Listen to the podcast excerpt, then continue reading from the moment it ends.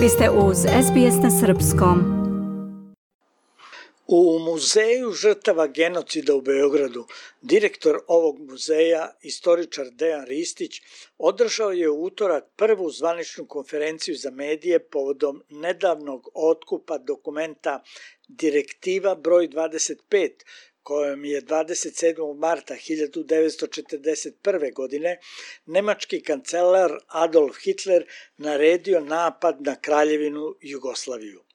Direktiva broj 25 jeste jedan od sigurno najznačajnijih artefakata u nacionalnoj istoriji našeg naroda. Ovo je vredan pisan istorijski izvor o velikom napadu koji se nažalost odigrao 6. aprila 1941. godine istorijskom bombardovanju Beograda koji je bezmalo sravnjen sa zemljom. Direktiva broj 25, potpisana od strane Adolfa Hitlera, sačinjena je u 13 originala, od kojih je jedan od njih sada u vlasništvu Republike Srbije. Ovaj dokument, čiji je sadržaj označio početak drugog svetskog rata na celokupnoj teritoriji Kraljevine Jugoslavije, uporediv je po svome značaju sa telegramom objave rata Kraljevini Srbiji od strane Austrougarskog carstva od 28. jula 1914. godine, ocenjuju istoričari. Dokument Direktiva 25 predstavlja pet tačaka na četiri strane teksta. Prve dve tačke kažu razoriti Beograd i što pre zauzeti Bor, misli se na rudnik bakra i zlata u Boru. Sadržaj direktive broj 25 odavno je svima poznat, ali nikada nije bio prisutan na teritoriji Republike Srbije i mi sada prvi put imamo jedan od 13 originala. Pronalazak ovog važnog dokumenta je primer ozbiljnosti rada Muzeja žrtava genocida. Za nekoliko nedelja ćemo imati ovaj dokument u našem posedu i bit će izložen u nekoj od ustanova kulture, kazao je novinarima Ristić. Zatim je nastavio. Uobičajeno u 13 primjeraka rađeni su u manje ili više primjeraka, zavisi od vrste dokumenta, dakle pre svega od u ovom slučaju organa vlasti koji je određeni dokument proizvodio, drugo od toga kome je bio namenjen, dakle koji je bio sadržaj ovog dokumenta i to možete videti u skenu koji smo mi distribuirali, odnosno vlada Republike Srbije uz, uz uh, saopštenje za javnost da je dokument kupljen. Vidjet ćete na dnu dokumenta navode se svi organi civilnih, vojnih i obaveštajnih vlasti kojima je original upućen i ukoliko primetite, evo sad, na trenutak budite naše kolege istoričari, ukoliko primetite, obratite pažnju na taj sken, na poslednju četvrtu stranicu, prvo obratite pažnju kakav je Hitlerov potpis. Vrlo neobičan. No. E, sa druge strane, obratite pažnju koji je e, adresat zaokružen crvenom bojom. To je naš original. To je taj koji smo kupili. Eto, kažem, budite na trenutak istoričari, ovaj, pogledajte i vidjet ćete kome je otišao ovaj original koji smo mi kupili.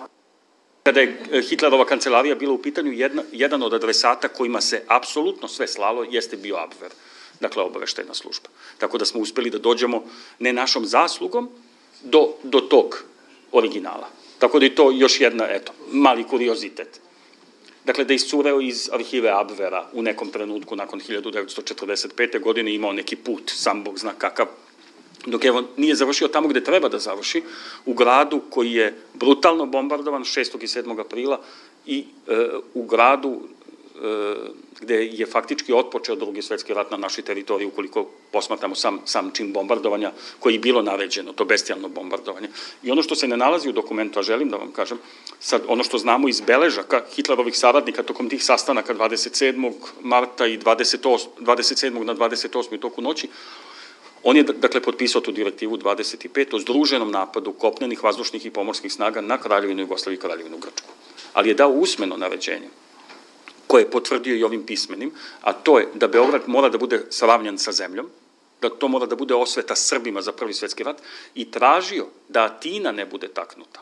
Uz komentar da mu je veoma žao što mora da ratuje protiv viteškog grčkog naroda i zahvaljujući toj usmenoj naredbi koju je dao, u vreme dok je potpisivao dokument, Atina na svu sreću nije, nije stradala, na sreću čitavog čovečanstva, ali, nažalost, ono što je sadržano u dokumentu i na čemu je on i usmeno insistirao u tim satima, to je da Beograd mora da bude sravnjen sa zemljom.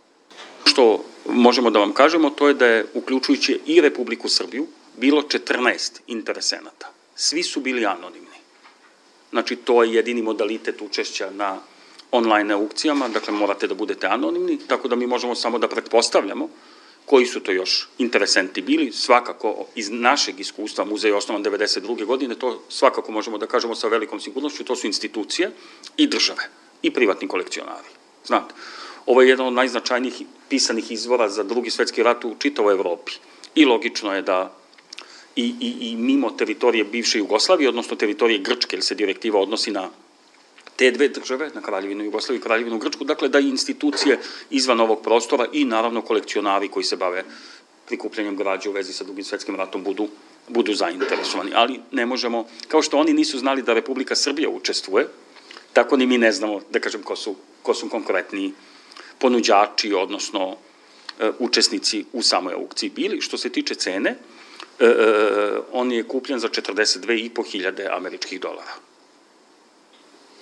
I na to će biti samo, naravno, dodati drugi, drugi troškovi koji se odnose na uobičajeno, dakle, to su porezi koji se plaćaju na, na promet pokretnih kulturnih dobara na međunarodnim aukcijama, tako da ono što je takođe važno, ali ne presudno, to je da je dokument kupljen za, za, za izuzetno povoljnu svotu novca.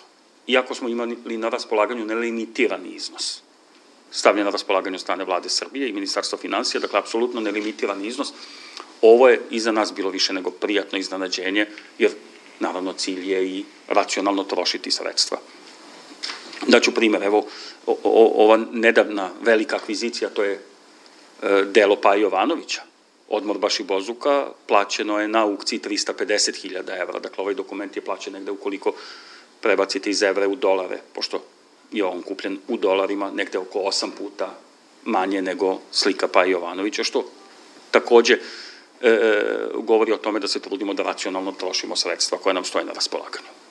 Ono što su naša znanja, mimo samog sadržaja ovog dokumenta, govore, kao što znate, kao što svi znamo, o tragičnim posledicama i početka drugog svetskog rata na teritoriji Kraljevine Jugoslavije, kao što je kolega Arbutina rekao, pre svega u onim delovima Kraljevine Jugoslavije koji su bili naseljeni Srbima, a potom i o svim onim fazama drugog svetskog rata na našoj teritoriji koji su označeni i okarakterisani s jedne strane bezmernim junaštvom i borbom za slobodu i oslobođenjem zemlje od okupatora i kvislinga, a sa druge strane bezmernim stradanjem civila, pre svega pripadnika tri naroda koji su preživeli genocid na teritoriji nezavisne države Hrvatske, to su Srbi, Romi i Jevreji. Nastavit ćemo, budući da je kraj godine, evo, koristim priliku, ukoliko nemate još pitanja, e, nastavit ćemo da radimo na isti način i u narednom periodu. I nemojte se iznenaditi novim pozivima za preskonferencije gde bismo predstavljali novu građu do koje ćemo doći, intenzivno tragamo, zaista svakodnevno tragamo za, za, za građom i bezmalo svakodnevno građa stiže u muzej žrtava genocida. Naravno, mi ne opterećamo javnost svakim otkrićem, ali se trudimo da ono što je zaista od nacionalnog i međunarodnog značaja podelimo i sa našom i sa inostranom javnošću. Iz Beograda za SBS Hranislav Nikolić. Želite da čujete još priča poput ove? Slušajte nas na Apple Podcast, Google Podcast, Spotify ili odakle god slušate podcast.